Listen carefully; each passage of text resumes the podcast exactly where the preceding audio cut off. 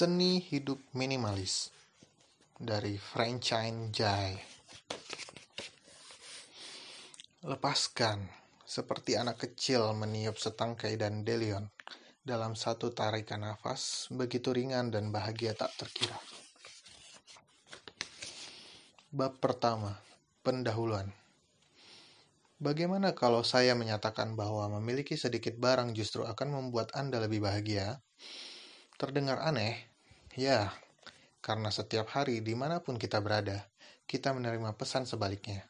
Kita didorong untuk membeli berbagai barang agar tampil lebih menarik dan lebih sukses, bahkan untuk menarik kebahagiaan tanpa batas.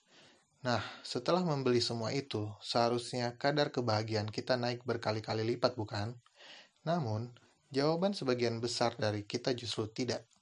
Sebenarnya yang lebih sering terjadi adalah sebaliknya, yaitu sebagian besar barang itu dan janji kosong yang menyertainya telah menyedot uang, kualitas hubungan dengan orang lain, dan kebahagiaan hidup kita. Pernahkah Anda menatap semua barang di rumah yang pernah Anda beli, warisi, atau terima dan merasa pengap alih-alih senang? Apakah Anda merasa sulit mengatasi utang kartu kredit, bahkan tidak ingat lagi apa saja yang Anda beli? Apakah diam-diam Anda berharap Anda ingin kencang? Apakah diam-diam Anda berharap ada angin kencang yang datang meniup semua kekacauan di rumah Anda agar bisa memulai lembaran baru? Jika ya, cara hidup minimalis bisa menjadi penyelamat Anda. Untuk itu, hal pertama yang harus dilakukan adalah memahami konsep minimalis. Saat ini, kata itu terkesan elitis, yang membuat orang segan karena kerap dikaitkan dengan tampilan hunian berkelas dan ruangan yang berisi furniture-furniture mewah. Mendengar kata ini, umumnya di benak kita muncul gambaran ruangan luas, interior keren, lantai beton, dan permukaan serba putih. Semuanya terlihat kaku, serius, dan steril. Bagaimana bisa cocok dengan kehidupan kita yang diwarnai anak-anak, hewan peliharaan, beragam hobi, barang longsokan, dan cucian kotor? Banyak orang menganggap kata minimalisme sama dengan kosong. Sayangnya, kosong tentu tidak menarik karena berkaitan dengan rasa kehilangan, kehampaan, dan kesunyian. Namun kita bisa melihat kosong dari sudut pandang berbeda. Bayangkan makna kosong secara apa adanya dan buang kesan lain, sehingga bisa melihat ruang. Ruang. Kita semua perlu, perlu ruang. Ruang di lemari pakaian, ruang di garasi, ruang di jadwal, ruang untuk berpikir, bermain, berkarya, dan bersenang-senang dengan keluarga. Di situlah letak keindahan minimalisme. Atau, coba bayangkan contoh-contoh berikut. Sebuah wadah justru paling berguna saat dalam keadaan kosong. Kita tidak bisa menikmati secangkir kopi kalau masih ada ampas kopi di cangkir itu. Kita juga tidak bisa menunjukkan kecantikan bunga-bunga di kebun jika masih ada bunga layu di vas. Hal sama berlaku untuk rumah kita. Saat rumah kontainer kehidupan kita penuh barang, jiwa kita lah yang merasakan dampaknya. Kita tidak punya waktu, tenaga, dan ruang untuk merasakan pengalaman baru. Kita sesak dan terimpit, tak sanggup tak sanggup lagi bergerak dan mengekspresikan diri. Menerapkan konsep minimalisme berarti kitalah yang mengendalikan barang-barang yang kita miliki. Kita yang menentukan ruang, fungsi, dan potensi rumah kita kita mengubah rumah menjadi tempat terbuka, penuh udara segar dan mampu menampung hal-hal bermakna dalam hidup ini. Kita menyatakan kebebasan dari kondisi yang serba berantakan. Rasanya begitu membebaskan. Semuanya terdengar menyenangkan. Lalu bagaimana caranya? Dari mana harus mulai? Apa bedanya buku ini dengan buku-buku lain yang bertema sama? Tidak seperti buku lainnya, buku ini tidak akan bicara tentang wadah-wadah cantik atau sistem penyimpanan. Buku ini bicara tentang mengurangi jumlah barang yang harus Anda kelola.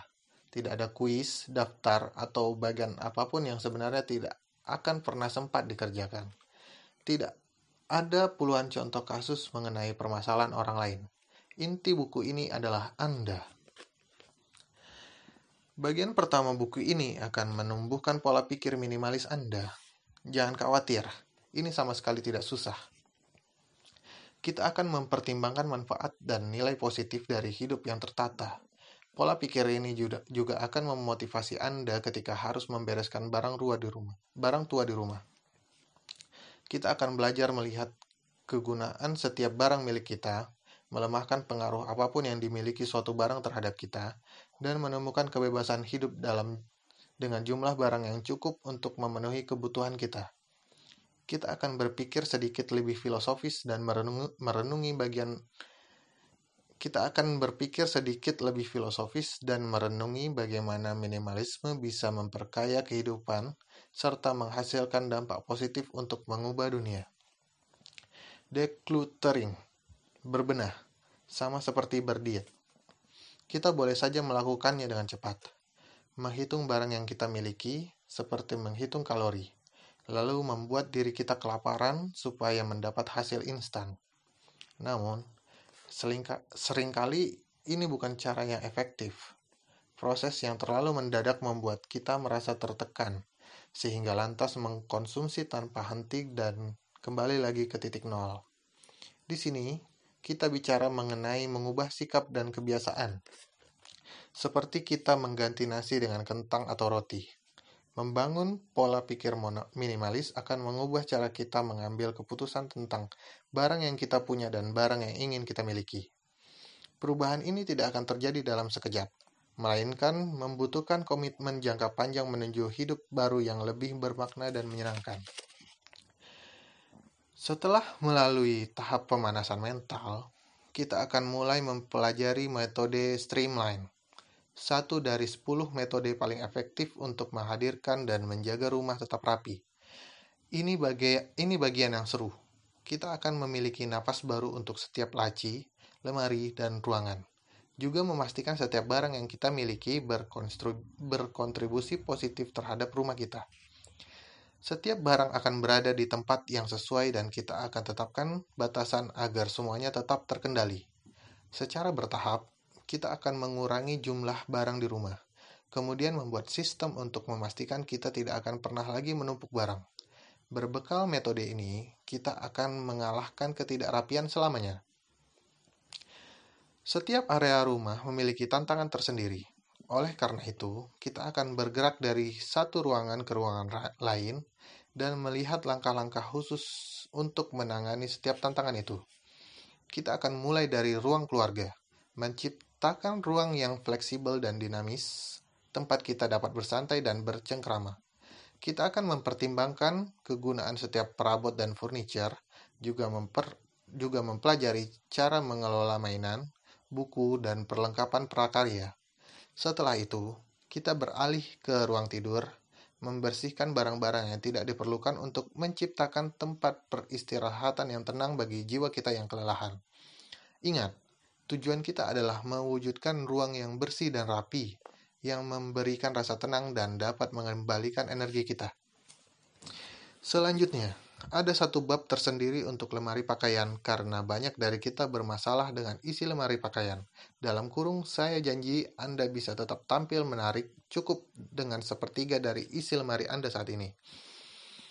Kemudian, begitu sudah mulai merasakan keasyikan proses ini, kita akan berlanjut ke ruang ke ruang kerja untuk mengubah tumpukan kertas yang menggunung menjadi satu atau dua tumpuk saja. Konsep minimalis mampu menaklukkan ruang kerja sekacau apa pun. Berikutnya, kita masuk area dapur. Simpan setiap panci, wajan, dan wadah. Dengan meja dapur yang bersih dan peralatan masyak dan peralatan masak sederhana, Anda pun tetap bisa menjadi koki andal di dapur. Lalu kita beristirahat sebentar di kamar mandi sambil mengubah suasananya menjadi suasana Lalu kita beristirahat sebentar di kamar mandi sambil mengubah suasananya menjadi ruangan spa yang keren. Kita bahkan akan belajar menyederhanakan perawatan penampilan agar Anda tetap bisa terlihat menawan dengan menggunakan sedikit produk. Tentu saja, kita tidak akan melupakan ruang bawah tanah, loteng kecil di atap, lemari penyimpanan, dan garasi. Barang-barang di semua area ini mungkin tak terlihat, tapi jelas tak terlupakan. Bersusah payah di area-area ini berarti kita berhenti memberikan ruang tersembunyi untuk kekacauan. Kita juga akan merapikan barang kita juga akan merapikan barang hadiah, barang peninggalan, dan barang kenangan. Kita akan mengingat kembali bagaimana barang-barang itu masuk ke hidup kita, kemudian memikirkan cara kreatif untuk menyikapinya. Lalu, bagaimana dengan anggota keluarga lainnya? Ketika rumah berantakan, semua penghuni rumah memiliki peran dan tanggung jawab kita akan mengawasi atau memeriksa cara mereka menangani barang miliknya dan menjadikan mereka sekutu dalam proses penataan ini. Apa pun masalah Anda, peralatan bayi, mainan balita, atau kesemrautan khas remaja, Anda akan mendapatkan saran untuk segala usia, termasuk cara membimbing pasangan yang mungkin enggan turut serta untuk mengikuti cara hidup minimalis. Terakhir, kita akan menyadari bagaimana konsep minimalis membuat kita lebih ramah lingkungan sehingga mampu melestarikan sumber daya alam untuk generasi berikutnya. Kita akan melihat dampak sebenarnya dari pilihan konsumsi dan barang yang kita beli, baik terhadap sesama manusia ataupun lingkungan dan mempelajari manfaat hidup dengan anggun tanpa beban. Yang paling menarik, kita akan belajar bagaimana lemari pakaian yang tidak terlalu penuh bisa menyelamatkan dunia. Apakah Anda siap menghentikan kesemrautan di rumah Anda untuk sekarang dan selamanya? Silakan buka halaman pertama buku ini. Kita mulai dengan mempelajari dasar pemikiran minimalis. Dalam beberapa menit saja, Anda sudah masuk dalam perjalanan menuju hidup yang lebih sederhana, tertata, dan tentram.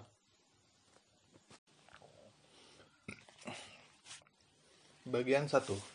Dasar pemikiran. Bayangkan kita adalah jenderal yang akan turun ke medan perang atau atlet sebelum bertanding. Agar bisa melakukan yang terbaik, kita harus menyiapkan mental untuk menghadapi tantangan yang menanti. Inilah saatnya membangun kunci keberhasilan kita. Pola pikir minimalis. Semua ini tentang sikap. Sebelum mengendalikan apa yang kita miliki, kita harus mengubah hubungan dengan barang itu. Kita harus memaknai mengenali kegunaan, dan mempertimbangkan dampaknya terhadap hidup kita. Ketiga prinsip in, ini memudahkan kita melepaskan berbagai barang di rumah dan mencegah barang lain datang. Yang lebih penting lagi, kita akan menyadari bahwa barang-barang kita ada untuk melayani kita, bukan sebaliknya. Subbab 1 Kenali kegunaan setiap barang Anda. Coba lihat sekeliling Anda. Kemungkinan besar akan langsung terlihat setidaknya 20 hingga 30 barang. Apa saja? Bagaimana barang-barang itu tiba di tempatnya sekarang? Apa fungsinya? Inilah saatnya mengenali kegunaan setiap barang kita. Barang-barang ini perlu dikelompokkan, dimaknai, dan diketahui kegunaannya. Kita perlu mengenali barang-barang yang telah memakan uang, waktu, dan energi kita saat membeli, merawat, dan menyimpannya. Kita juga perlu tahu bagaimana barang-barang ini terus bertambah. Dalam kurung, apakah barang-barang itu bertambah sendiri saat kita tidur? Secara umum, ada tiga kategori barang, yaitu barang fungsional, barang dekoratif, dan barang emosional. Kita mulai dengan kategori yang paling mudah, yaitu barang fungsional. Barang-barang dalam kategori ini bersifat praktis, punya kegunaan, dan membantu kita menyelesaikan tugas-tugas di rumah. Ada yang penting untuk kelangsungan hidup, ada pula yang berfungsi memudahkan hidup. Kita cenderung berpikir bahwa semua barang bersifat fungsional. Pernahkah Anda membaca buku mengenai teknik-teknik bertahan hidup di, di alam liar? Isi buku itu sebenarnya menunjukkan kepada kita betapa sedikit barang yang kita butuhkan untuk hidup. Tempat berteduh sederhana, pakaian untuk menjaga tubuh tetap hangat, air, makanan, beberapa wadah penyimpanan, dan perlengkapan masak. Dalam kurung, Anda boleh berhenti membaca buku ini jika memang hanya barang-barang tersebut yang Anda miliki. Tapi kalau tidak, bergabunglah dengan kami dan lanjutkan.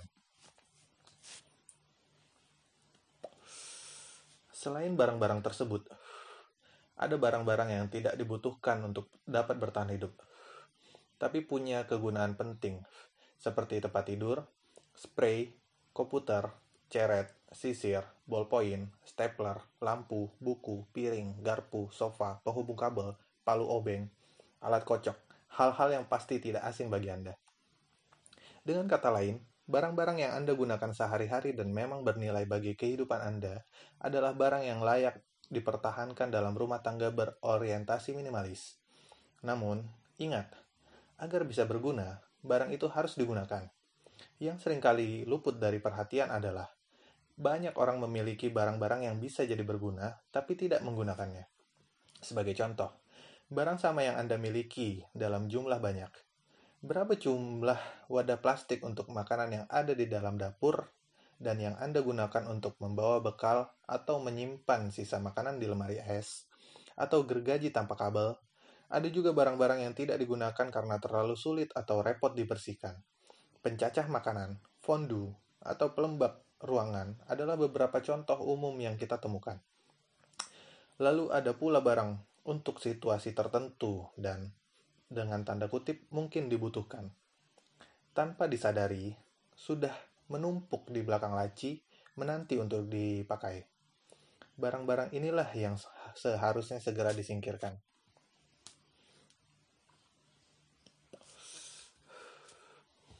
Di antara barang-barang fungsional, ada juga barang-barang yang sebenarnya kita tidak memiliki fungsi, tapi memuaskan kebutuhan kita dalam bentuk lain. Secara sederhana, barang-barang ini kita beli karena enak dipandang. Sepanjang sejarah, manusia mendorong dirinya untuk memperindah suasana sekitarnya. Dari gambar-gambar gua di zaman purba Paleolitikum hingga lukisan yang dipajang di atas sofa. Apresiasi estetis adalah bagian penting dari identitas kita dan tidak seharusnya dihentikan.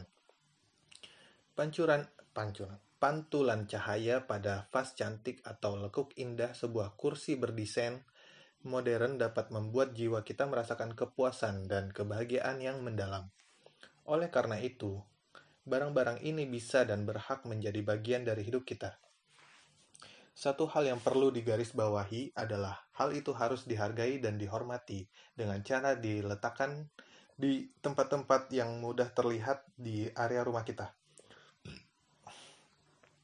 Apabila koleksi gelas dan vas kristal Anda dibiarkan berdebu di rak atau bahkan hanya disimpan di gudang, maknanya tak lebih dari barang biasa yang hanya menambah keruwetan.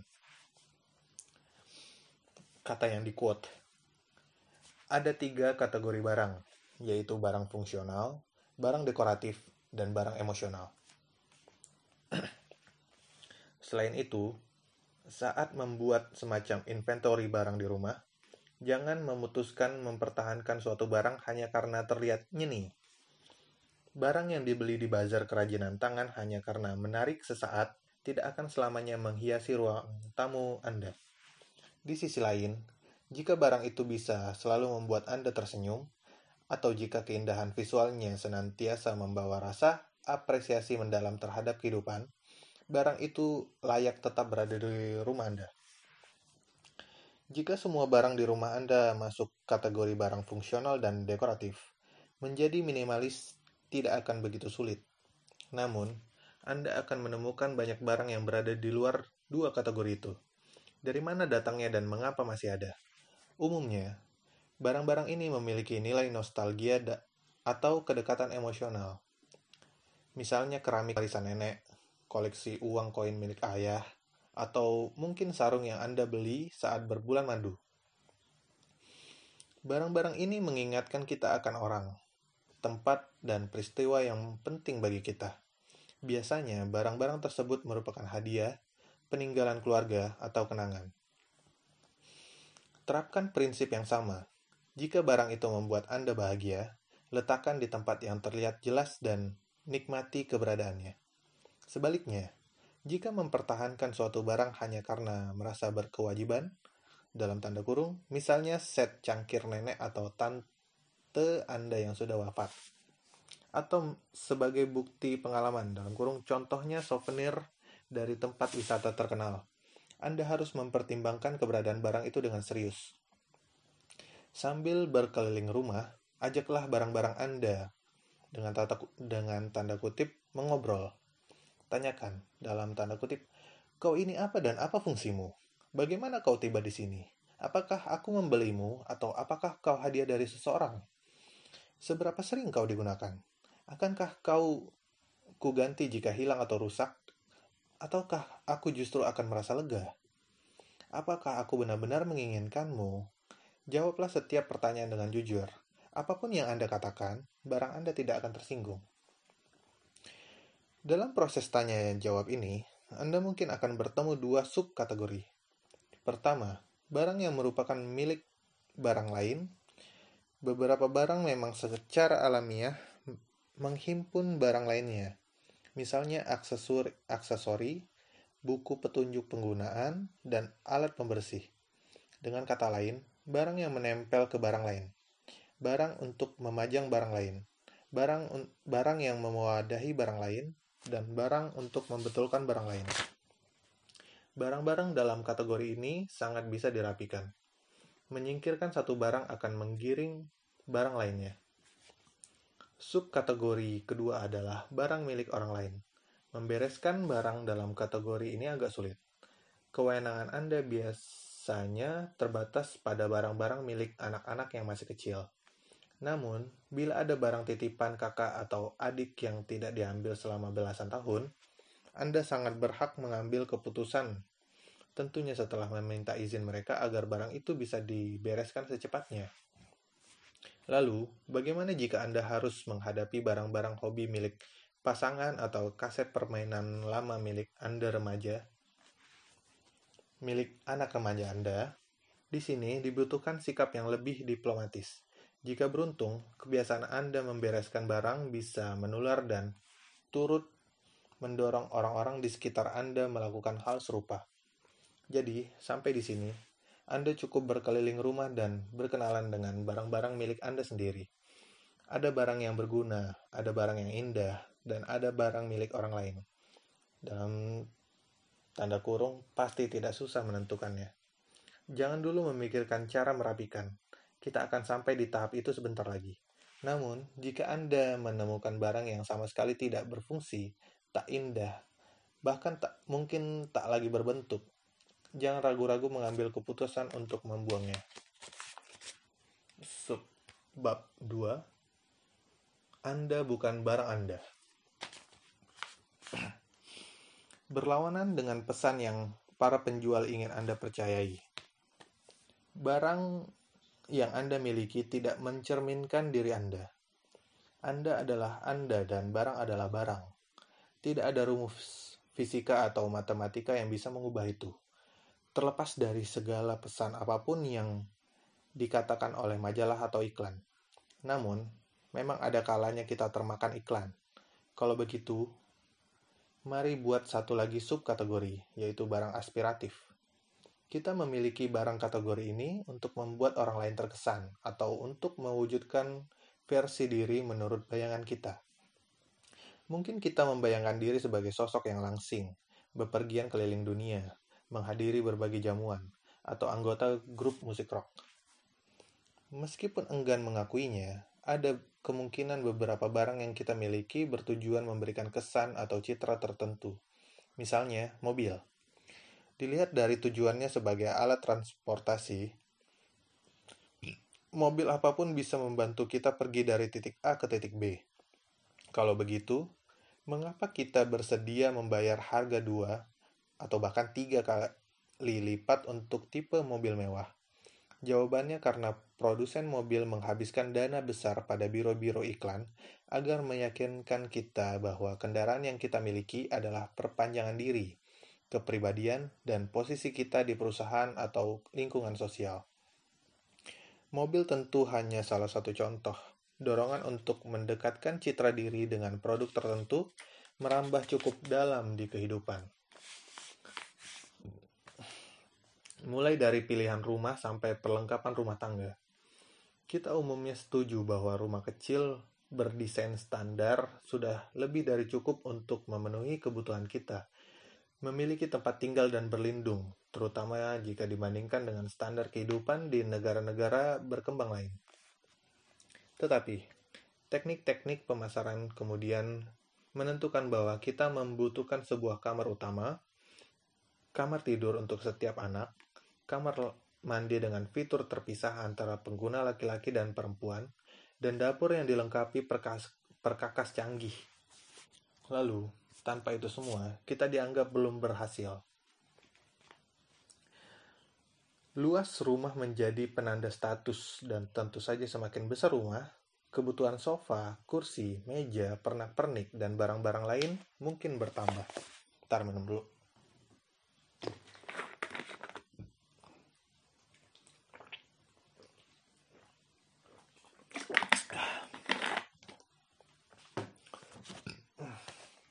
Lanjut. Iklan juga mendorong kita untuk memaknai diri melalui pakaian.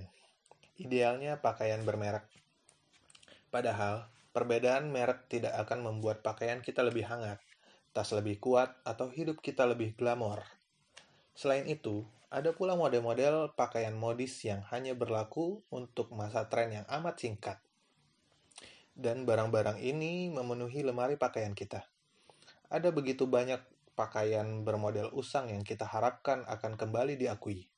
Nyatanya, tidak seperti selebritas sebagian besar dari kita tidak membutuhkan pakaian dalam jumlah besar.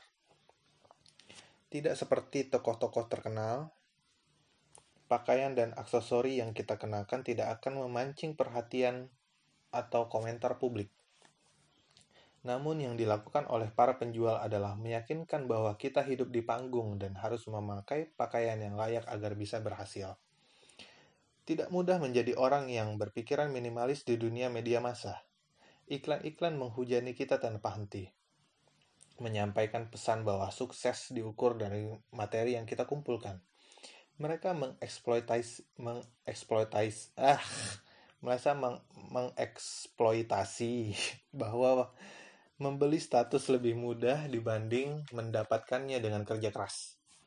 Berapa kali kita mendengar lebih banyak lebih baik?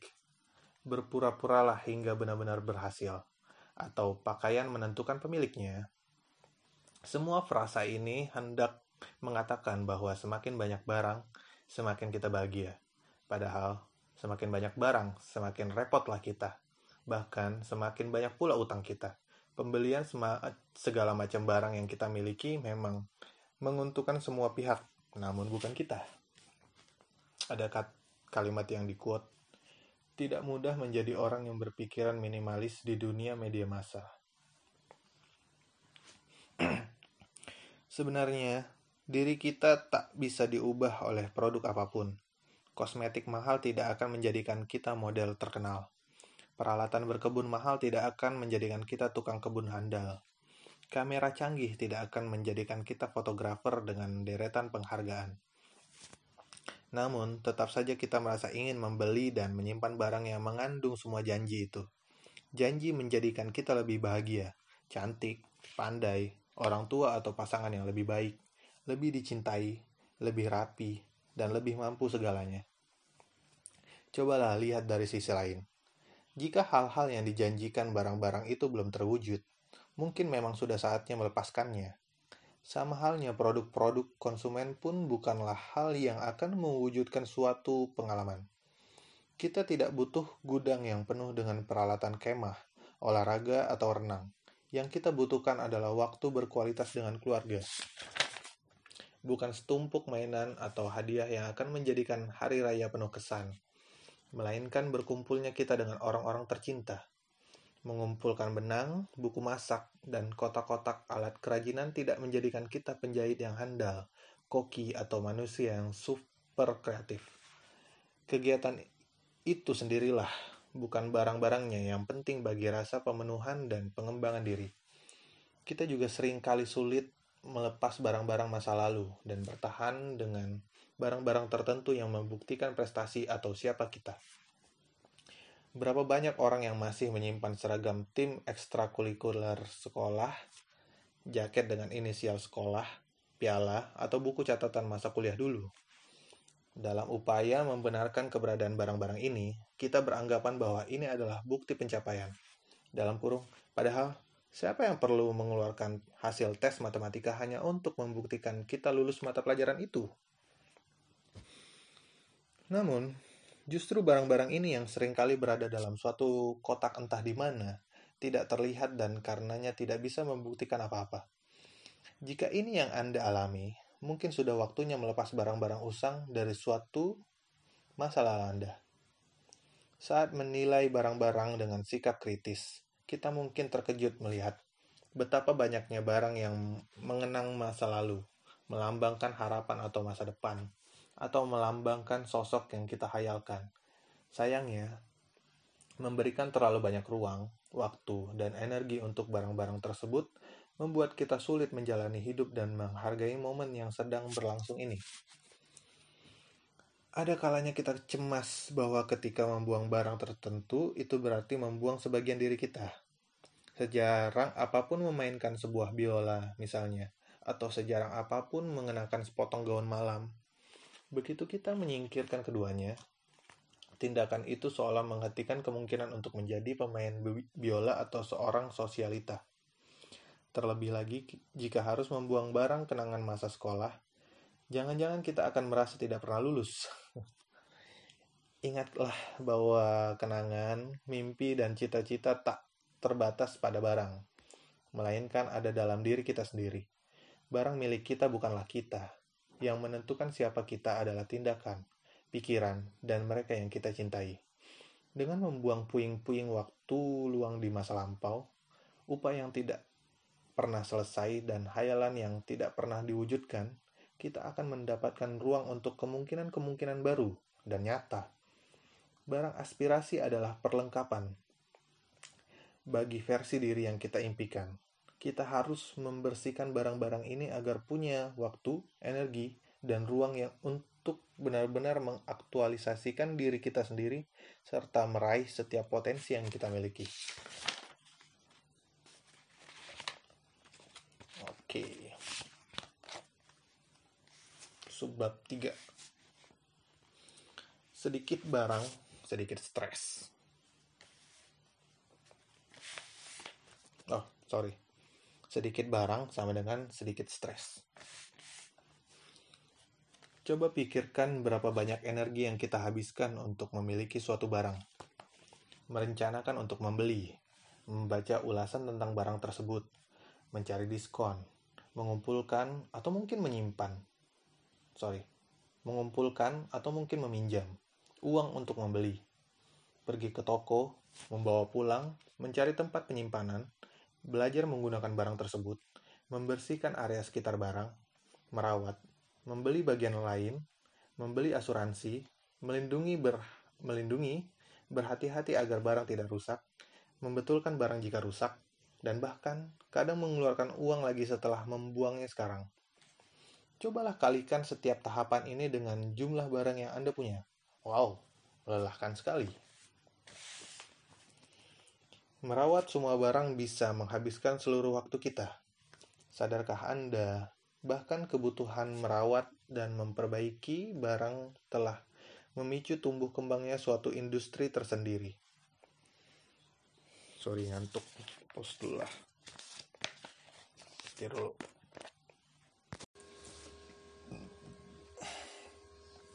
Misalnya, banyak perusahaan yang sukses karena berhasil menjual produk-produk pembersih khusus, mulai dari deterjen, pembersih perak, minyak untuk perabotan, pembersih debu untuk alat elektronik, sampai perawatan barang-barang berbahan kulit.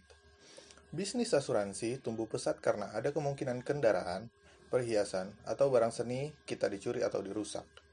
Ahli kunci, perusahaan sistem alarm dan keamanan berjanji melindungi rumah Anda dari tindak perampokan.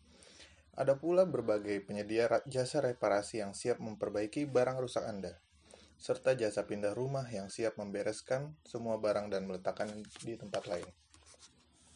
Dengan banyak waktu, uang, dan energi yang ternyata dibutuhkan, kita mungkin akan merasa bahwa barang-barang itulah yang memiliki kita, bukan sebaliknya. Sekarang, mari kita lihat seberapa besar peran stres di balik keputusan kita membeli sesuatu. Pertama-tama, kita biasanya stres karena merasa tidak memiliki suatu barang. Mungkin kita melihat iklan atau barang di toko, lalu tiba-tiba merasa tak sanggup hidup tanpa barang itu. Apalagi jika ternyata tetangga, saudara, atau rekan kerja kita memiliki barang yang sama. Duh, jangan-jangan hanya kita satu-satunya orang yang tidak memilikinya. Pada saat itulah ser rasa serba kekurangan mulai muncul. Berikutnya, kita akan stres memikirkan cara membeli barang itu. Sayangnya, tidak ada orang yang bisa atau mau menghadiahkannya kepada kita, sehingga kita harus berusaha sendiri.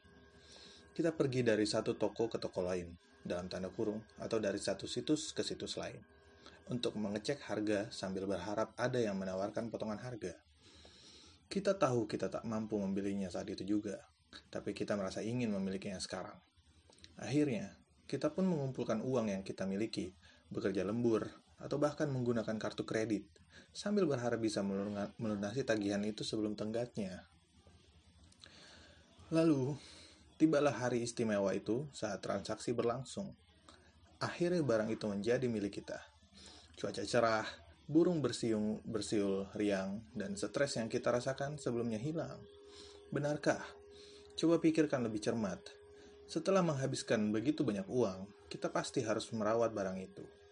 Karena setiap hari membeli sesuatu, kita tidak hanya menambah jumlah barang, tapi juga tanggung jawab. Kita harus memastikan semua barang dibersihkan secara teratur, karena debu atau kotoran mungkin akan mengganggu fungsi dan usia ketahanannya. Atau, barang itu harus dijauhkan dari jangkauan anak-anak dan hewan peliharaan. Kita pun harus lebih berhati-hati saat menggunakan barang itu agar tidak rusak atau kotor. Tidak percaya? Coba bayangkan berapa kali Anda memarkir kendaraan di tempat rujung atau dibuat kesal karena menemukan goresan dan penyok pada mobil. Bagaimana rasanya saat blus mahal Anda yang terbuat dari sutra terkena noda sambal? Ketika hal itu terjadi, dan pasti akan terjadi, kita merasa stres, memikirkan cara memperbaiki atau membersihkan kerusakan dan noda. Kita sibuk mencari saran dengan membaca buku petunjuk atau menelusuri internet. Kita pergi memberi, membeli peralatan yang dibutuhkan. Jika gagal, kita membawa barang itu ke toko atau bengkel atau mungkin tidak melakukan apa-apa karena sudah kehabisan ide, dalam tanda kurung, atau tidak ingin menghadapi masalah itu. Barang itu lantas teronggok di sudut ruangan, dalam lemari, atau di gudang, dan menambah beban pikiran. Mungkin juga tidak akan ada kerusakan, kita hanya bosan. Apa pun sebabnya, pada akhirnya kita merasa bersalah dan gelisah karena sudah menghabiskan begitu banyak waktu, uang, serta energi Beberapa saat kemudian, kita melihat iklan lain, terpukau menatap barang berbeda, yang sepertinya lebih bagus dari barang kita sebelumnya. Dan siklus itu pun terulang lagi. Kita merasa tidak pernah punya cukup waktu, mungkin barang-barang kita lah penyebabnya. Berapa jam yang sudah terbuang untuk pergi ke penatu? Penatu itu laundry. Berapa kali akhir pekan kita melayang karena kita harus ke bengkel untuk mengganti oli atau melakukan perbaikan lain. Berapa kali kita justru menggunakan hari libur untuk memperbaiki atau merawat barang, dalam kurung, atau menunggu kedatangan tukang. Berapa kali kita kesal, dalam kurung, atau memarahi anak-anak, karena ada vas yang pecah, piring yang tepinya rusak, atau karpet yang terkena noda. Berapa banyak waktu yang kita habiskan untuk berbelanja perlengkapan pembersih, cukup suku cadang, dan aksesori untuk barang di rumah kalimat yang di quote. Kita merasa tidak pernah punya cukup waktu. Mungkin barang-barang kita lah penyebabnya. Mari berhenti sejenak dan mengenang kembali betapa bebas dan senangnya kita saat masih belia. Masa-masa itu mungkin adalah masa-masa saat kita hanya memiliki sangat sedikit barang. Tentunya hal ini bukan kebetulan. Dulu, hidup memang lebih sederhana. Belum ada cicilan KPR, cicilan kendaraan, atau aset lain yang membutuhkan asuransi. Belajar, menjalani hidup, dan berkreasi jauh lebih penting daripada membeli barang. Dunia bagaikan taman bermain dengan kemungkinan yang tak terbatas. Nah, semacam Nah, kebahagiaan semacam itulah yang bisa kita raih kembali dengan cara hidup minimalis. Kita harus menaruh semua barang pada tempatnya agar tidak mendominasi perhatian kita. Tentunya cara hidup minimalis bukan berarti kita harus tinggal di apartemen studio yang berisi peti kayu tua atau sofa berkas atau sofa bekas. Tidak. Untuk sekarang, Coba bayangkan hidup dengan hanya setengah dari barang yang kita miliki saat ini. Sungguh lega dan nyaman. Kerja keras dan kekhawatiran kita berkurang separuhnya. Begitu pula kewajiban membersihkan, memelihara, dan memperbaiki. Bahkan utang kartu kredit. Hasilnya adalah uang, waktu, dan energi yang lebih banyak. Apa saja yang akan bisa kita lakukan? Ide-ide pun mulai muncul dan kita melihat indahnya menjadi seorang dengan pola pikir minimalis. Subbab keempat. Sedikit barang sama dengan lebih merdeka.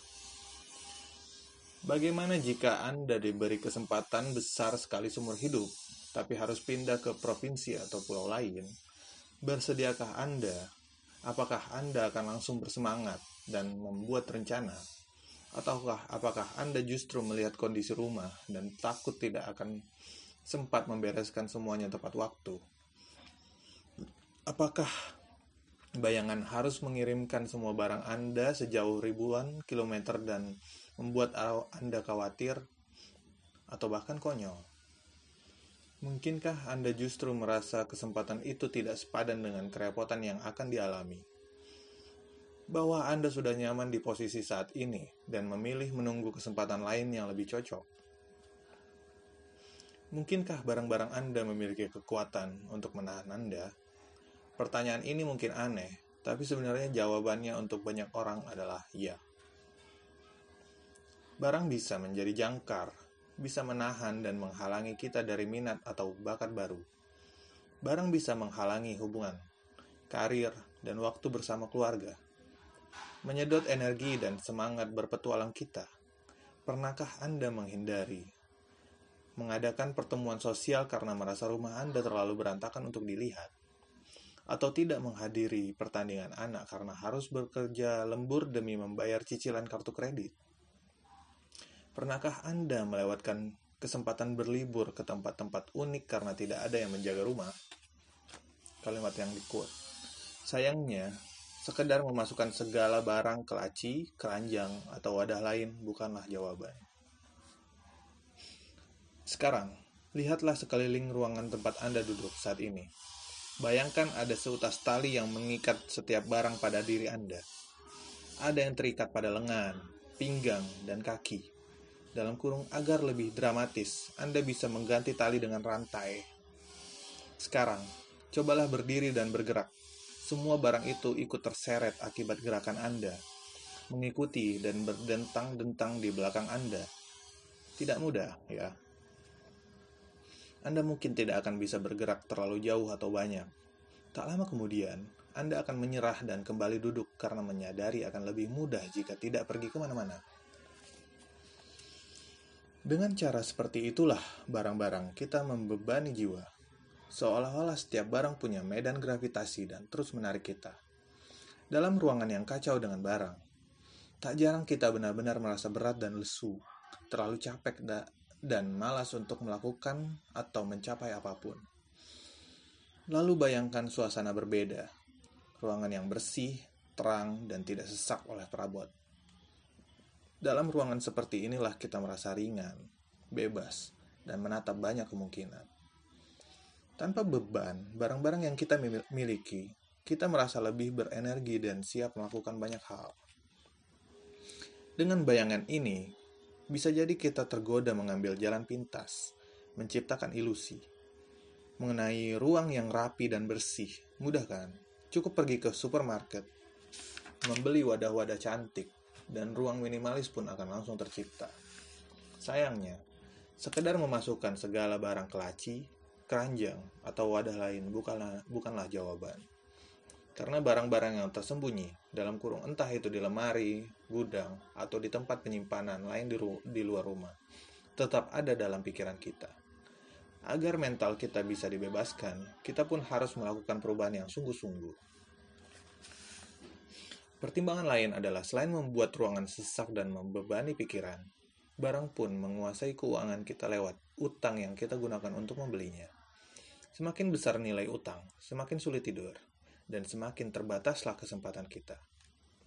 keharusan bangun pagi dan memaksa diri melakukan pekerjaan yang tidak kita sukai bukanlah perkara kecil. Dan semua itu kita lakukan untuk membiayai barang-barang yang tak lagi kita miliki, gunakan atau bahkan diinginkan. Padahal, ada begitu banyak hal lain yang bisa kita lakukan. Selain itu, jika menghabiskan seluruh penghasilan dan mungkin juga tabungan untuk barang, sama saja kita menyia-nyiakan sumber daya yang seharusnya bisa digunakan untuk hal lain yang lebih bermakna, seperti lessening atau investasi pada bisnis baru. Bepergian adalah analogi yang tepat untuk menggambarkan rasa merdeka yang ditawarkan oleh cara hidup minimalis.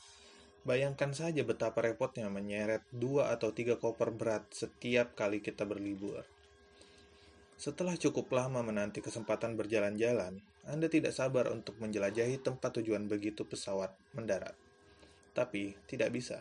Anda harus menunggu dan menunggu dan menunggu koper di tempat pengambilan bagasi. Lalu membawanya keluar bandara. Rencana menaiki transportasi umum hanya rencana, mengingat banyaknya barang bawaan. Lebih baik menunggu taksi langsung pergi berkeliling kota pun tidak mungkin karena harus singgah di hotel untuk menaruh tas-tas yang kini menjadi beban berat. Lalu setibanya di kamar, Anda justru tidur karena kelelahan. Sebaliknya, minimalisme membuat kita dapat bergerak, bergerak lincah. Coba bayangkan bepergian hanya dengan satu ransel ringan.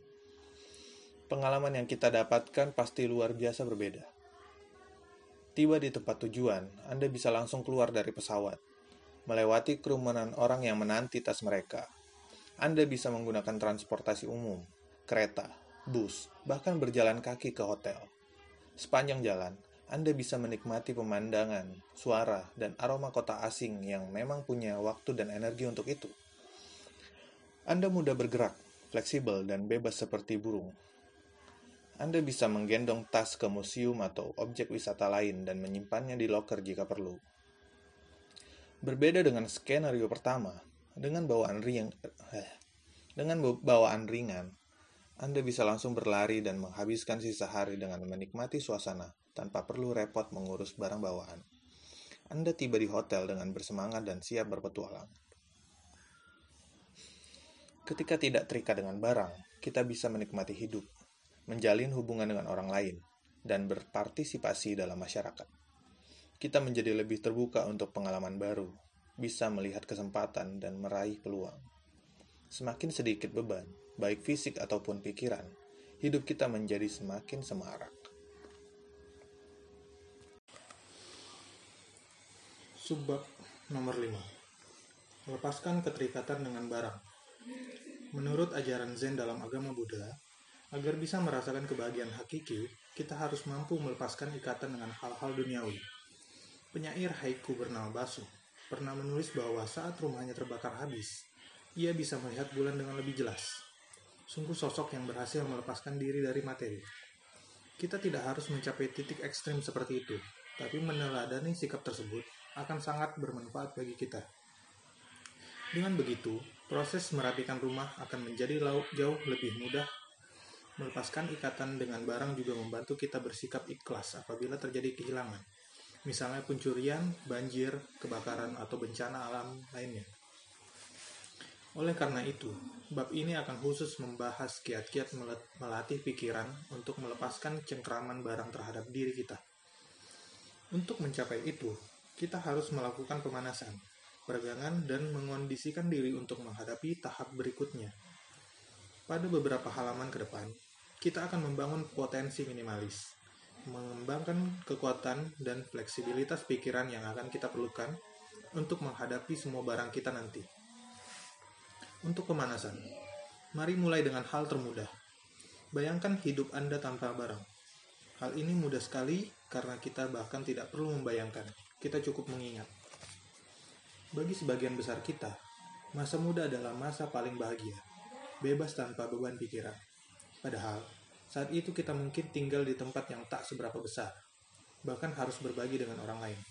Dengan penghasilan yang tak kalah kecil, tidak mampu membeli pakaian mahal, jam keren, dan gadget elektronik. Jika digabung, Semua barang kita muat dalam beberapa kotak saja. Kita pun tak perlu memikirkan reparasi mobil, perawatan rumah, atau bahkan pergi ke penatuh. Sedikit barang yang kita miliki sama sekali tidak menjadi masalah karena kita sibuk dengan kehidupan sosial. Menurut Anda, apakah kebebasan itu benar-benar tinggal kenangan? Tidak juga.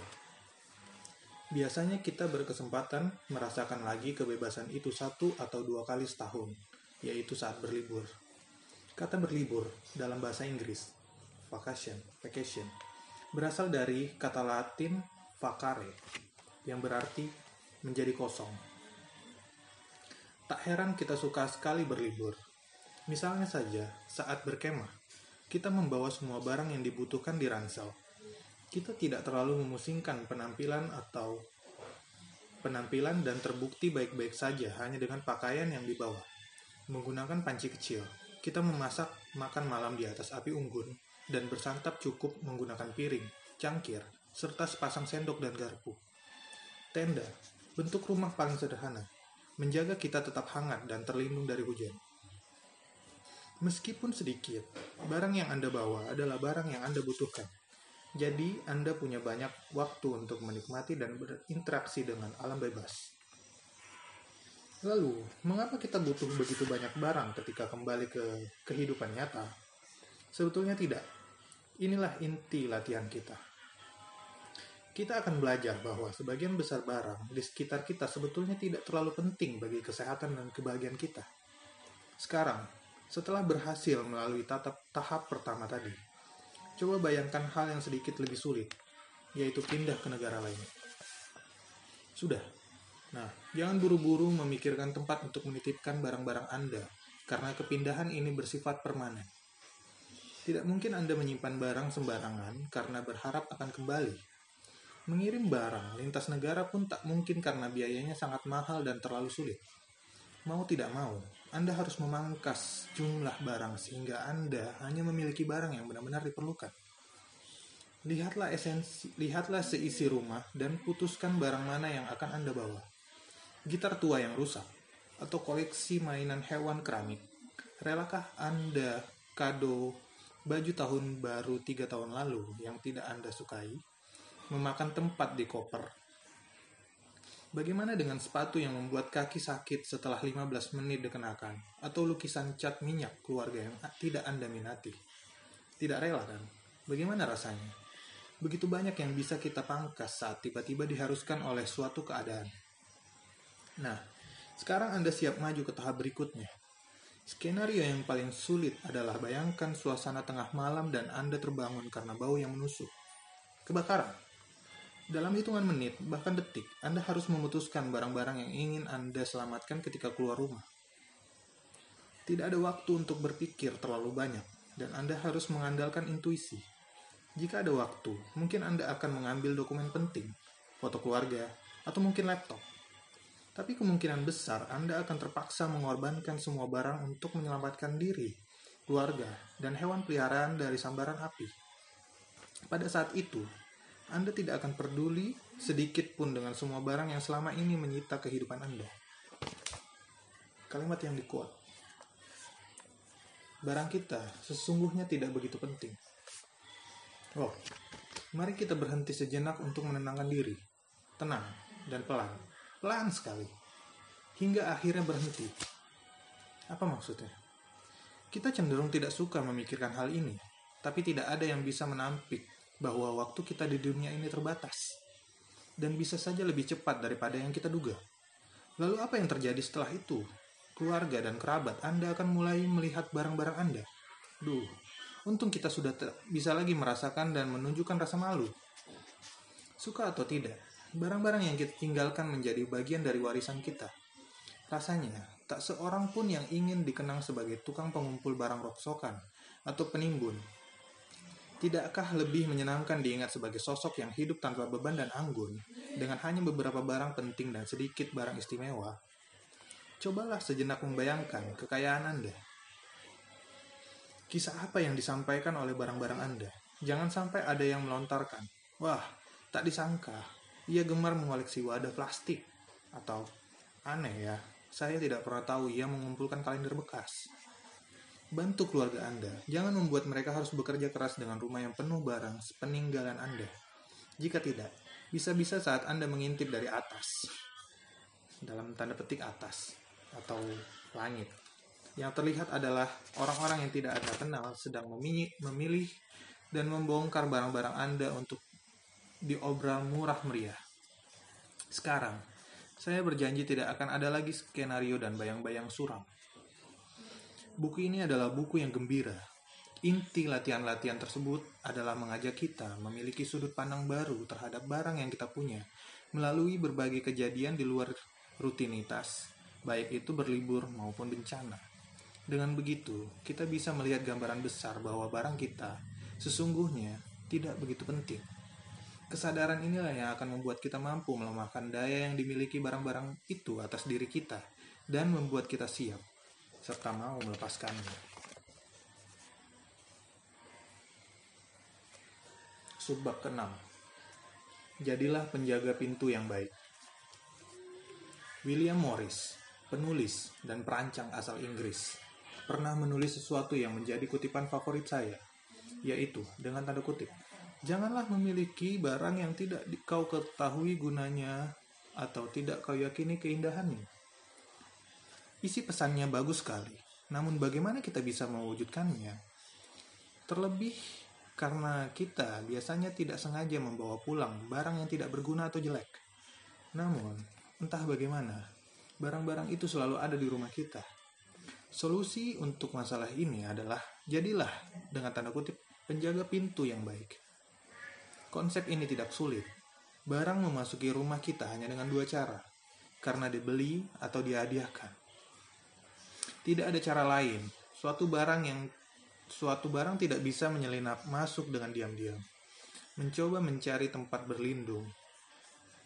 Barang tidak muncul begitu saja atau berlipat ganda tanpa kita ketahui, kecuali mungkin klip kertas dan wadah plastik.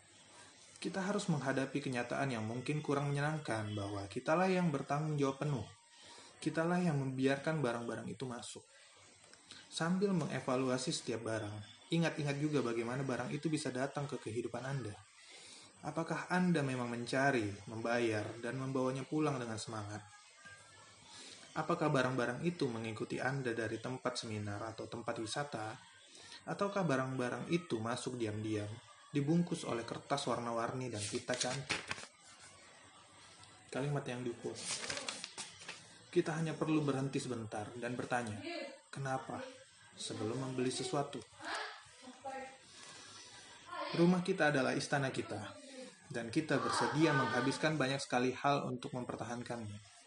Kita menyemprotkan obat anti rayap dan serangga, menggunakan penyaring udara untuk menghindari polusi, dan memasang sistem keamanan untuk melindungi rumah dari orang-orang asing.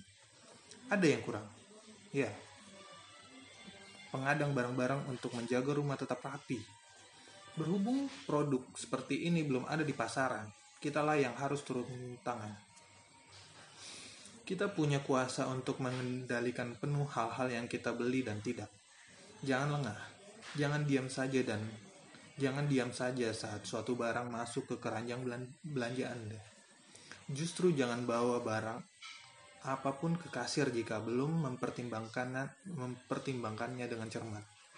Dalam hati, tanyakan kepada diri Anda sebelum membeli sesuatu. Layakkah barang ini ada di rumah saya? nilai apa yang akan bertambah dengan adanya barang ini? Apakah hidup saya akan lebih mudah karena barang ini? Ataukah barang ini justru akan merepotkan untuk nilai yang tak seberapa? Apakah masih ada tempat untuk menyimpannya? Apakah saya ingin barang ini ada selamanya? Atau setidaknya untuk jangka waktu yang panjang? Jika tidak, kira-kira seberapa sulit menyingkirkannya? Pertanyaan terakhir ini memang mencegah saya membawa pulang sekoper cenderamata dari Jepang karena begitu ada kenangan di balik sesuatu barang, akan sulit untuk menyingkirkannya. Tidak terlalu susah kan? Kita hanya perlu berhenti sebentar dan bertanya, kenapa? Sebelum membeli sesuatu. Lalu, bagaimana dengan barang yang tidak kita pilih untuk beli? Bahkan sering kali tidak pula kita inginkan, misalnya hadiah, barang gratis, dan barang promosi. Menolak pemberian memang tidak mudah, bahkan bisa dianggap tidak sopan. Tapi begitu menumpuk, barang-barang ini akan menjadi yang paling menantang untuk dibersihkan. Cara terbaik adalah memberanikan diri menolak, terutama barang gratis atau promosi. Keterampilan menolak dengan sopan bisa dipelajari dan akan sangat berguna serta sering terpakai. Silakan tolak magnet, ballpoint, dan pemberat kertas dengan logo suatu perusahaan dan cukup pulang dengan kartu nama. Jangan ragu menolak produk sampel dari counter kosmetik di mall. Wah, apa yang Anda lakukan di mall? Atau sampel deterjen dari supermarket dan pemanggang roti dari bank karena Anda telah membuat rekening baru. Anda juga tidak perlu mengambil setiap botol lotion dan sampo di hotel. Kecuali Anda benar-benar berencana menggunakannya. Jangan biarkan barang-barang kecil ini bertumpuk memenuhi rak dan lemari di rumah. Hadiah tentu membutuhkan perlakuan yang berbeda. Saat Anda dihadiahi sesuatu, umumnya tidak ada pilihan lain selain menerima. Berdasarkan pengalaman, cara yang paling efektif adalah menerima hadiah dengan baik tapi tidak perlu menyambutnya secara berlebihan. Kalau tidak, nanti hadiah yang sama akan datang lagi. Setelah itu, berusahalah menghindari hadiah-hadiah baru. Misalnya, dengan tidak mengikuti acara tukar kado, dan hadapilah hadiah yang telah kita terima, meskipun tidak kita inginkan. Topik ini tidak sulit, juga tidak terlalu mudah. Kiat-kiat yang lebih mendetail akan dibahas di bab 28. Untuk menjadi penjaga pintu yang lihai, Anda harus melihat rumah sebagai tempat yang sakral, bukan tempat menyimpan barang. Anda sama sekali tidak wajib memberikan tempat untuk setiap barang yang Anda temui. Jika ada yang berupaya masuk, apa pun caranya, ingat bahwa Anda punya kuasa untuk menolak barang itu. Apabila suatu barang tidak akan menambah nilai fungsi dan keindahan dalam kehidupan Anda, maka katakan, "Maaf, tidak ada tempat kosong." Penolakan di awal akan sangat menghemat energi Anda di kemudian hari. Sebab nomor 7. Nikmati ruang. Saya harap Anda menyukai kutipan karena bab ini akan diawali dengan kutipan lain yang juga amat saya sukai, yaitu musik adalah jeda di antara nada. Kalimat ini berasal dari komposer klasik bernama Claude Debussy saya menafsirkannya sebagai dibutuhkannya ruang dan kekosongan untuk mengapresiasi keindahan. Karena tanpa ruang, yang kita dapatkan hanyalah kekacauan dan kegaduhan. Untuk tujuan kita, mari terapkan kutipan berikut. Hidup adalah jeda di antara barang. Kesemrautan bisa memadamkan kreativitas dan membuat hidup kurang harmonis. Sebaliknya, Semakin banyak ruang yang kita miliki, keseharian kita pun menjadi semakin menyenangkan dan humoris dan harmonis, sorry. Dengan tanda kutip ruang, sepertinya sepele, tapi kita selalu merasa kekurangan ruang dan hal ini membuat kita terus merasa frustasi. Kita bahkan bersedia melakukan apa pun agar bisa memiliki lebih banyak ruang di rumah, lemari, atau garasi. Dulu, ruang-ruang itu ada, dan menghilangnya ruang tersebut membuat kita was-was. Kita menatap ke sekeliling rumah dan bertanya, ke mana semua ruang itu pergi? Kita senang membayangkan bagaimana rupa rumah kita di hari pertama kepindahan. Oh, ruangan yang begitu megah. Lalu apa yang terjadi? Sekarang penampilannya tak seindah yang kita impikan. Sebenarnya, ruang itu tidak pernah pergi, masih ada, persis di tempatnya semula ruang tidak berubah. Yang berubah adalah prioritas kita. Perhatian kita begitu terserap pada barang, sehingga sama sekali melupakan unsur ruang. Kita lupa bahwa barang dan ruang adalah dua hal yang tidak bisa disatukan. Setiap kali kita membawa sesuatu barang ke dalam rumah, setiap kali pula sedikit ruang menghilang. Masalahnya adalah kita lebih menghargai barang dibandingkan ruang. Namun, jangan khawatir Ruang mungkin mudah menghilang, tapi mudah juga didapatkan kembali. Coba saja Anda buang satu barang. Wow, sekarang ada ruang tambahan. Buanglah barang lain dan lihat. Ada ruang lagi. Tak lama kemudian, ruang-ruang kecil itu membesar menjadi ruang yang luas, dan kita pun bisa bergerak dengan leluasa lagi. Anda juga bisa menari-nari untuk merayakan ruang yang tiba-tiba muncul lagi. Satu hal yang perlu diingat, yang juga selalu luput dari perhatian kita, adalah jumlah barang yang dapat kita tampung sebenarnya dibatasi oleh besarnya ruang yang kita punya. Memadatkan mendorong barang-barang hingga sesak, atau memaksakan sedemikian rupa tidak akan mengubah prinsip ini. Mau mencoba menyimpan barang dalam kantong vakum? Boleh, tapi setelah dimasukkan pun, kantong itu harus diletakkan di suatu tempat. Intinya, jika tinggal di rumah yang mungil atau memiliki lemari yang terbatas, Anda tidak bisa membawa pulang barang begitu banyak. Titik. Dengan prinsip yang sama, kita juga tidak perlu mengisi setiap jengkal ruang yang ada. Ingat, nilai ruang sama dengan nilai barang. Bahkan lebih besar, tergantung Anda melihatnya. Jika tinggal di rumah seluas hampir 400 meter persegi, tidak berarti Anda perlu barang yang akan menutupi setiap sudut rumah. Jika punya ruang pakaian, Anda tidak perlu mengisi setiap celahnya. Sungguh, tanpa barang yang terlalu sesak, Anda akan hidup dan bisa bernapas lebih tenang kalimat yang di quote. Ruang mungkin mudah menghilang, tapi mudah juga didapatkan kembali.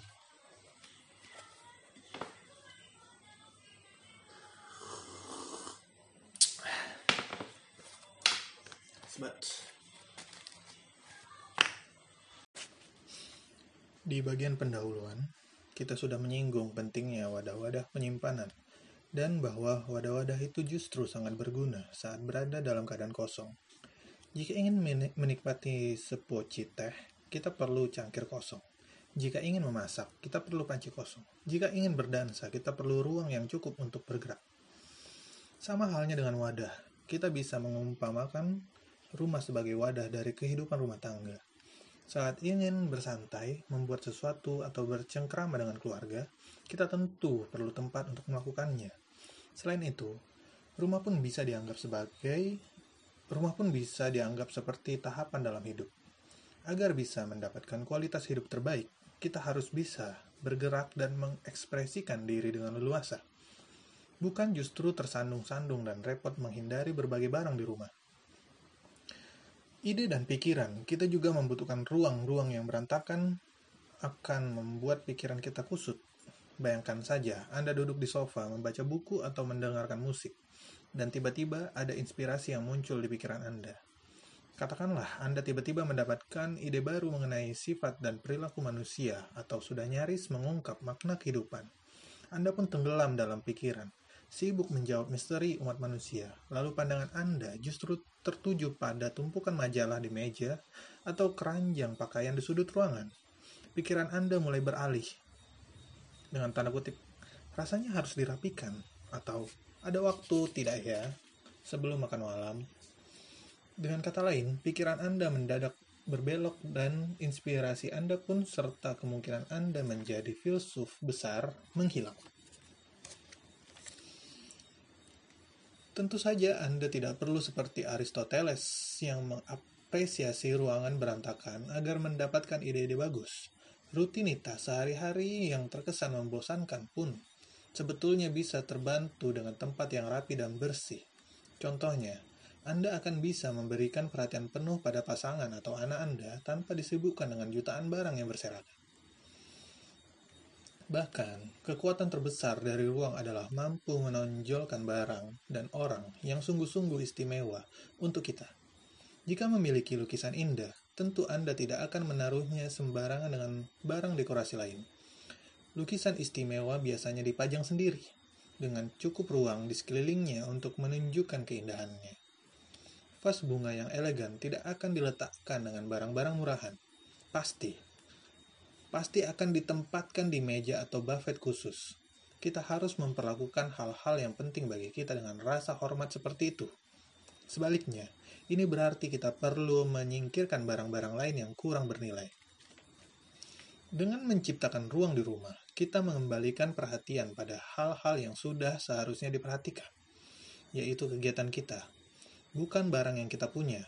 Hidup ini terlalu singkat untuk disibukkan dengan barang.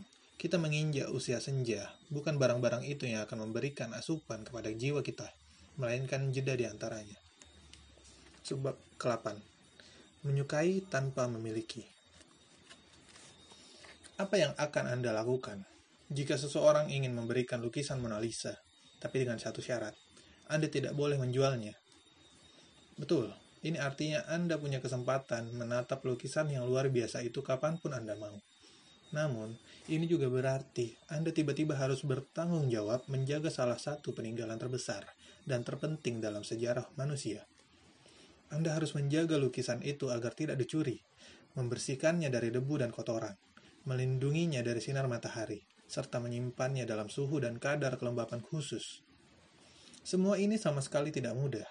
Belum lagi Anda harus berhadapan dengan berbagai rupa pencinta seni yang mengantri setiap hari untuk menikmati lukisan itu. Bisa jadi, rasa gembira yang awalnya Anda rasakan perlahan pudar akibat beban perawatan dan pemeliharaan yang Anda tanggung. Apakah senyum misterius Mona Lisa masih terlihat mempesona? Mungkin tidak. Jadi, ya biarkan saja lukisan itu tetap berada di tempatnya di Museum Louvre atau Louvre atau apalah. Kita sangat beruntung hidup di zaman modern yang memberikan akses luas pada berbagai macam karya seni dan kepingan sejarah yang luar biasa tanpa harus membeli atau merawatnya sendiri. Kota-kota yang kita diami adalah sumber kesenian, kebudayaan, dan hiburan. Kita tidak perlu menciptakan hal-hal itu di rumah kita. Hikmah inilah yang saya pelajari bertahun-tahun lalu. Saat baru lulus kuliah, saya mengambil jurusan sejarah seni dan sempat bekerja separuh waktu di sebuah galeri seni modern. Saya menghadiri banyak pameran, membaca berbagai buku dan majalah, serta merasa cukup ahli di bidang ini pada suatu hari, saya mendapat kesempatan membeli karya seni seorang seniman terkenal. Tanpa pikir panjang, saya pun mengambil kesempatan itu. Ini langkah besar di usia saya yang masih muda. Berada di jalur untuk menjadi kolektor seni.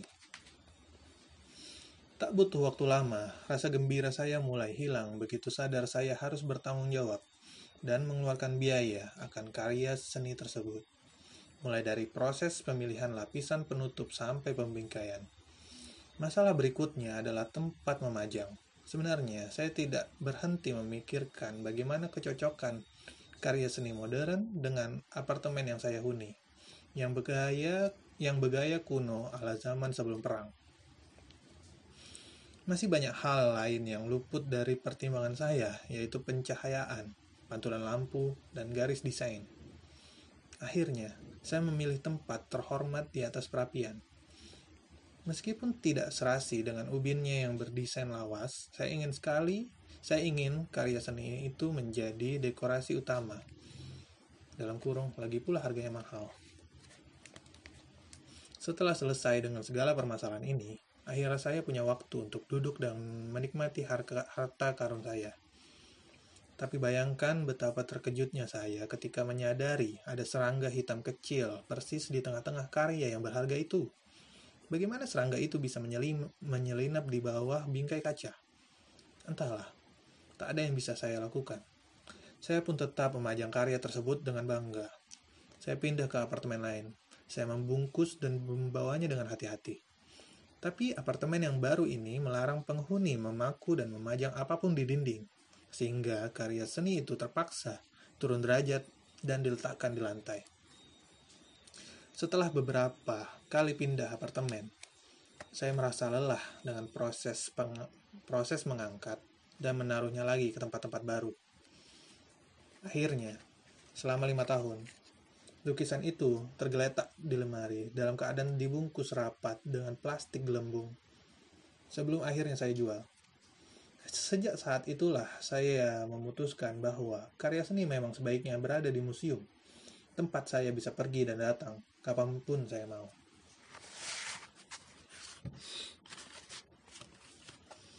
Menemukan cara untuk mencintai tanpa memiliki sesuatu adalah salah satu kunci bagi kehidupan minimalis.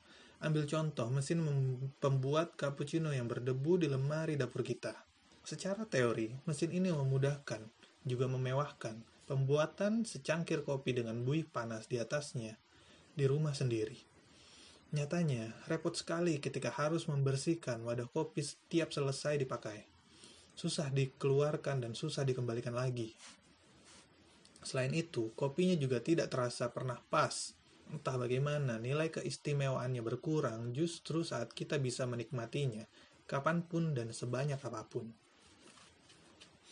Cukup beberapa kali saja kita berpura-pura menjadi barista.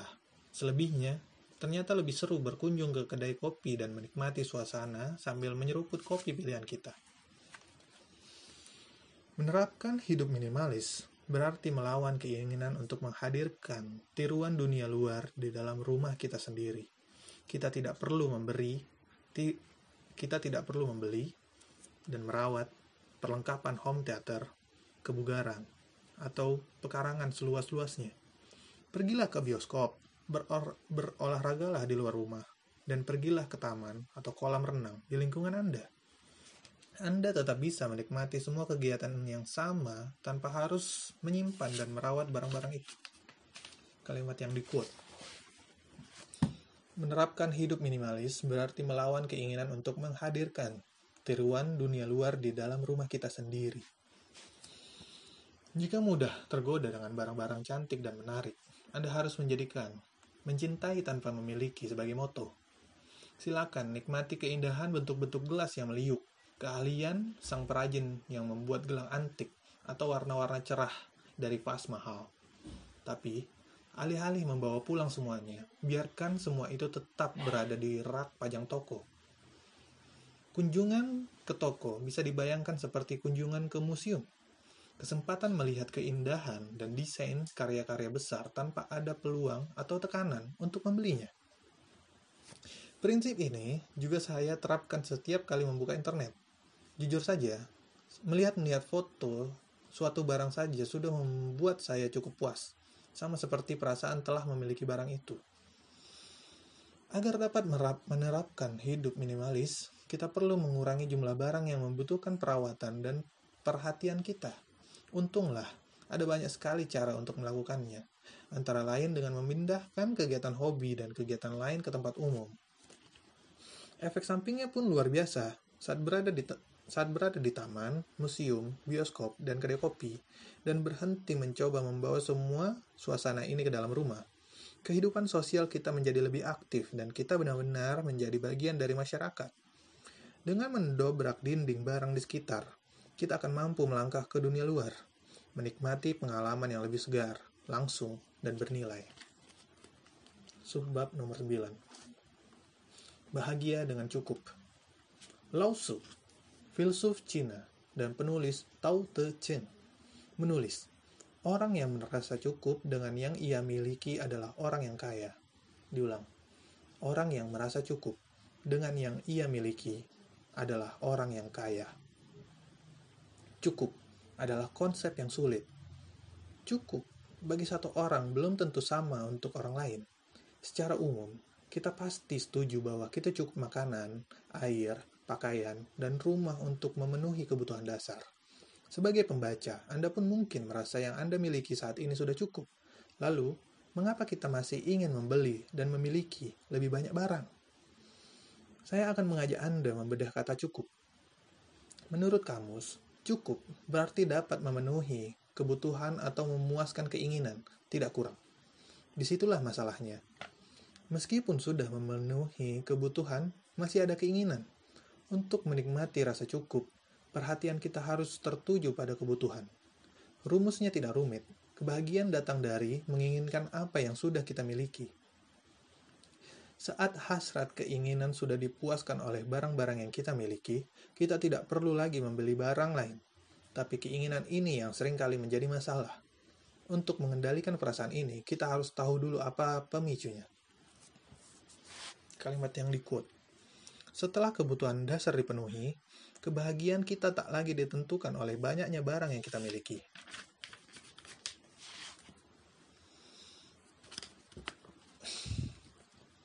Bayangkan kita tinggal di tempat yang jauh dan terpencil. Tidak ada TV dan internet. Tidak ada majalah dan koran. Kita hidup sederhana, tapi puas dengan apa yang kita miliki. Badan hangat, perut kenyang, dan aman dari alam bebas. Dengan kata lain, kita berkecukupan. Lalu, suatu hari, Datanglah keluarga yang membangun tempat. Datanglah keluarga yang membangun rumah tepat di samping rumah kita. Rumah mereka lebih besar dan istrinya pun lebih banyak. Tiba-tiba, kita tak lagi merasa cukup. Seperti sebelumnya. Selanjutnya, jumlah keluarga yang datang bertambah dengan bentuk rumah, mobil, dan barang lain yang beragam. Wow, kita pun tersadar betapa banyak barang yang tak kita miliki. Ada satelit yang memungkinkan tayangan TV serta sambungan internet memperlihatkan gaya hidup orang kaya dan para selebritas. Barang yang kita miliki masih sama seperti sebelumnya. Tetapi, jika dulu kita merasa berkecukupan, sekarang justru serba kekurangan. Apa yang terjadi? Kita menjadi korban dari suatu kondisi yang sangat lazim terjadi, yaitu rasa tak mau kalah dari tangga dalam situasi ini, kita tak lagi mengukur rasa cukup dengan objektif. Misalnya, apakah rumah kita cukup untuk menampung semua anggota keluarga? Melainkan lebih subjektif. Apakah rumahku sudah seindah, sebesar, atau sebaru tetangga di kanan dan kiri? Hal ini diperparah karena standar yang subjektif ini biasanya semakin tinggi, bahkan tanpa batas.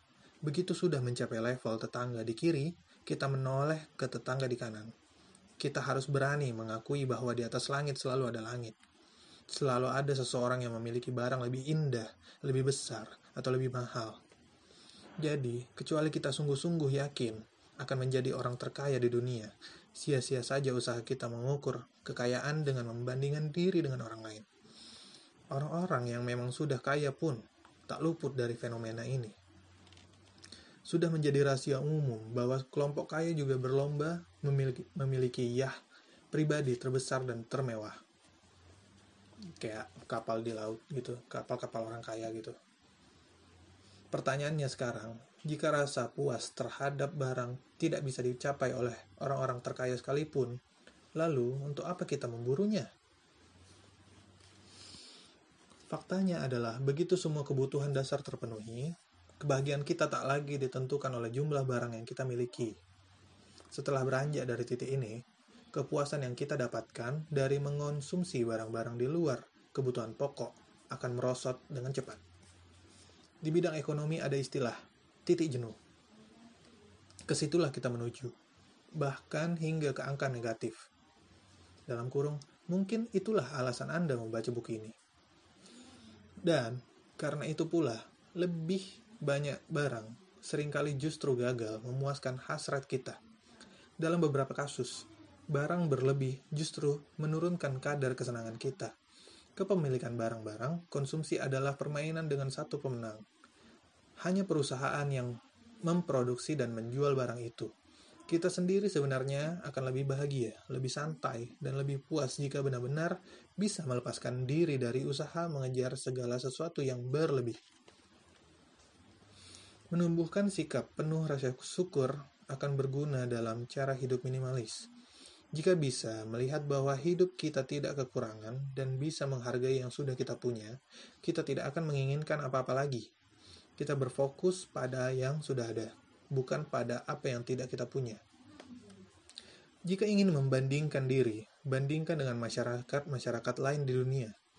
Bukan hanya dengan orang-orang di kiri, kanan, depan, atau belakang kita kita harus melihat ke bawah dan ke atas. Mungkin kita merasa kurang jika dibandingkan dengan warga kaya di negara kita sendiri. Tapi, jika dibandingkan dengan banyak orang lain di tempat-tempat lain, sesungguhnya kitalah yang hidup berkelimpahan. Dulu, saya merasa tidak puas karena hanya ada satu kamar mandi di rumah. Saat ingin mengundang, saat ingin menggunakannya, ternyata ada orang lain sedang mandi.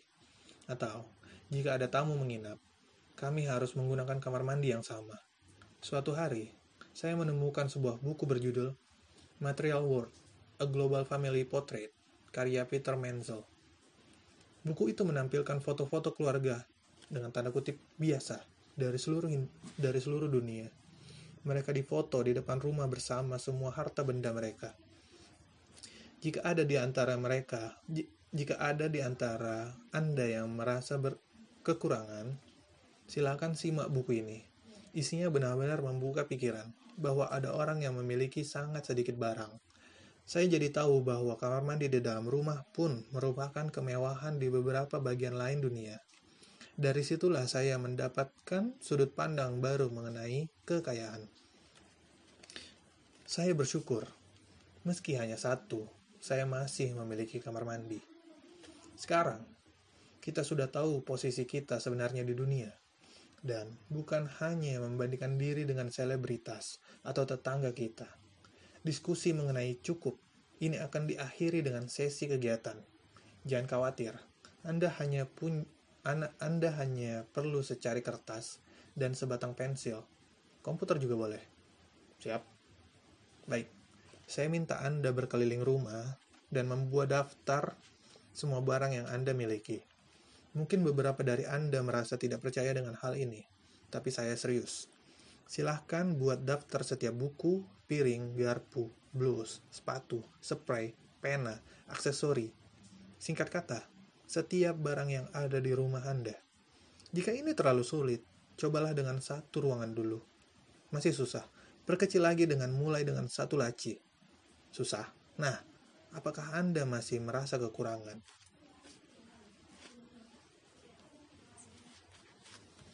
Subbab nomor 10. Hidup sederhana. Mahatma Gandhi pernah berkata, Hiduplah dengan sederhana agar orang lain dapat hidup.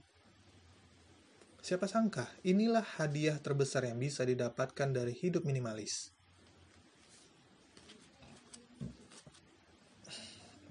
Pada bab ini, Anda akan diajak berpikir secara lebih global. Sekarang, Bayangkan di dunia ini kita hidup bersama lebih dari 7 miliar orang lainnya. Ruang dan sumber daya kita terbatas. Bagaimana bisa? Bagaimana kita bisa menjamin ada cukup makanan, air, lahan, dan energi untuk saat ini dan mendatang? Yaitu dengan tidak menggunakan sumber daya lebih daripada yang kita butuhkan. Hal ini karena dari setiap tambahan yang kita ambil, kita mengorbankan orang lain, baik saat ini maupun dari generasi di masa depan. Tambahan itu mungkin tidak terlalu signifikan bagi kehidupan kita, tapi bagi orang lain, mungkin hal itu menjadi penentu antara hidup dan mati. Harus kita sadari, kita tidak hidup di dunia yang terpisah. Setiap tindakan kita memiliki konsekuensi yang bergema ke seluruh dunia. Ada seseorang di belahan dunia lain yang menderita kekeringan dan kehausan Apakah Anda masih mau membiarkan air mengalir saat menggosok gigi? Kekurangan minyak di bumi akan menimbulkan kemiskinan dan kekacauan. Apakah Anda masih tega mengendari kendaraan yang boros bensin? Jika menyaksikan dengan mata kepala sendiri betapa mengerikan dampak kerusakan hutan, apakah Anda masih ingin membangun rumah besar? Kalau saja kita mengerti bagaimana gaya hidup kita berdampak pada banyak hal lain, mungkin kita semua akan bersedia hidup lebih hemat. Pilihan yang kita buat sebagai konsumen berdampak langsung terhadap lingkungan. Setiap barang yang kita beli, mulai dari mulai dari makanan, TV sampai mobil, diproduksi menggunakan sumber daya alam. Dan bukan hanya proses pembuatannya yang memakan energi, pembuangannya pun harus dipikirkan. Apakah kita ingin anak cucu kita nanti hidup di atas timbunan sampah? Semakin sedikit yang kita punya, semakin baik pula dampaknya untuk orang lain dan bumi. Jadi, kita harus mengurangi konsumsi sebanyak mungkin dan mulai membeli produk serta kemasan yang terbuat dari bahan mudah terurai, bisa didaur ulang, dan diproduksi dengan sumber daya alam yang seminimal mungkin. Hal-hal yang kita beli pun berpengaruh pada orang, orang lain. Namun, metode produksi modern cenderung mengalihkan pabrik ke lokasi dengan tenaga kerja murah dan regulasi lemah. Setiap kali membeli sesuatu, kita harus memikirkan lokasi pembuatan dan siapa pembuatnya. Orang-orang di tempat lain di dunia ini tidak seharusnya menanggung ketidakadilan, ketidakamanan, bahkan ketidaklayanan, ketidaklayakan tempat kerja agar sorry, bahkan ketidaklayakan tempat kerja hanya agar kita dapat membeli celana jeans. Udara dan air milik mereka pun tidak seharusnya tercemar, hanya agar kita bisa membeli sofa baru. Kita harus mencari barang yang diproduksi dengan cara memperbaiki, bukan menghancurkan, hidup seseorang serta masyarakat pembuatnya. Tentu saja, tidak mungkin menghitung dampak setiap barang yang kita beli. Kita harus membuka wawasan seluas mungkin, tapi secara realistis akan butuh berbulan-bulan hingga kita bisa mendapatkan informasi lengkap hanya untuk satu barang.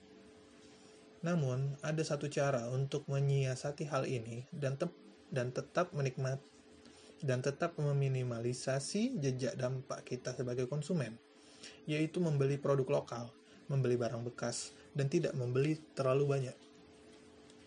Kalimat yang dikuat saat mengurangi konsumsi untuk menyelamatkan dunia, rumah kita pun menjadi tetap bersih, menenangkan, dan bebas dari, dari kesemrautan. Membeli produk lokal sangat bermanfaat bagi etika, lingkungan, dan ekonomi. Pertama, hal ini meningkatkan kemungkinan bahwa produk kita dibuat dalam kondisi kerja yang adil dan layak. Kecil peluangnya Anda akan menemukan pabrik kecil dengan standar kerja buruk di belakang jalan-jalan utama. Kedua, membeli produk lokal berarti mengurangi jarak pengiriman. Lebih hemat energi karena hanya hanya menempuh beberapa kilometer sehingga jauh lebih ra ramah lingkungan. Ya. Ketiga, membeli produk lokal berarti kita mendukung bisnis yang memiliki nilai yang sama dengan kita. Kita mendukung penyerapan tenaga kerja lokal, sekaligus berinvestasi di masyarakat. Bagaimana dengan membeli barang bekas? Membeli barang bekas berarti kita membeli barang baru tanpa harus menguras sumber daya alam. Untuk apa menghabiskan material dan energi untuk satu barang yang sama sekali baru, jika ada barang lama yang fungsinya sama? Tukar pusat belanja dengan pasar barang bekas, terutama untuk perabot, perlengkapan rumah, barang elektronik, pakaian, buku, mainan, dan lain-lain. Toko barang antik, iklan barang bekas, atau situs jual beli online seperti eBay, Craigslist, dan Free Cycle adalah harta karun tersendiri tempat kita bisa menemukan barang-barang bekas layak pakai. Berbangga hatilah menjadi pemilik kedua, atau ketiga atau keempat, dari suatu barang. Tidak hanya berhemat, cara ini juga ramah lingkungan. Terakhir, membeli sedikit barang adalah prinsip utama hidup minimalis. Membatasi barang yang kita beli dan berfokus hanya pada hal-hal esensial adalah hak adalah cara terbaik untuk meminimalisasi dampak konsumsi kita. Dengan begitu, kita pun bisa memastikan bahwa sebagai individu, kita sudah berkontribusi menahan laju penurunan sumber daya, tidak menambah beban kehidupan manusia lain, dan mengurangi limbah. Jika tidak membutuhkan sepatu atau baju hangat baru, jangan membelinya hanya demi penampilan. Pikirkan sumber daya yang dibutuhkan untuk pembuatan, pabrik asal, biaya pengiriman ke negara lain, dan dampak pembuangannya nanti mari kita buat keputusan membeli berdasarkan kebutuhan dan siklus hidup produk yang kita punya. Bukan hanya karena kita menyukai warna tertentu atau karena tergoda iklan. Sebagai tambahan, filosofi, filosofi hidup seperti ini akan membantu kita mencapai tujuan sebagai seorang minimalis. Saat mengurangi konsumsi untuk menyelamatkan dunia, rumah pun menjadi tetap bersih, menenangkan, dan bebas dari kesemrautan. Itu akhir dari bab pertama. Thank you sudah mendengarkan.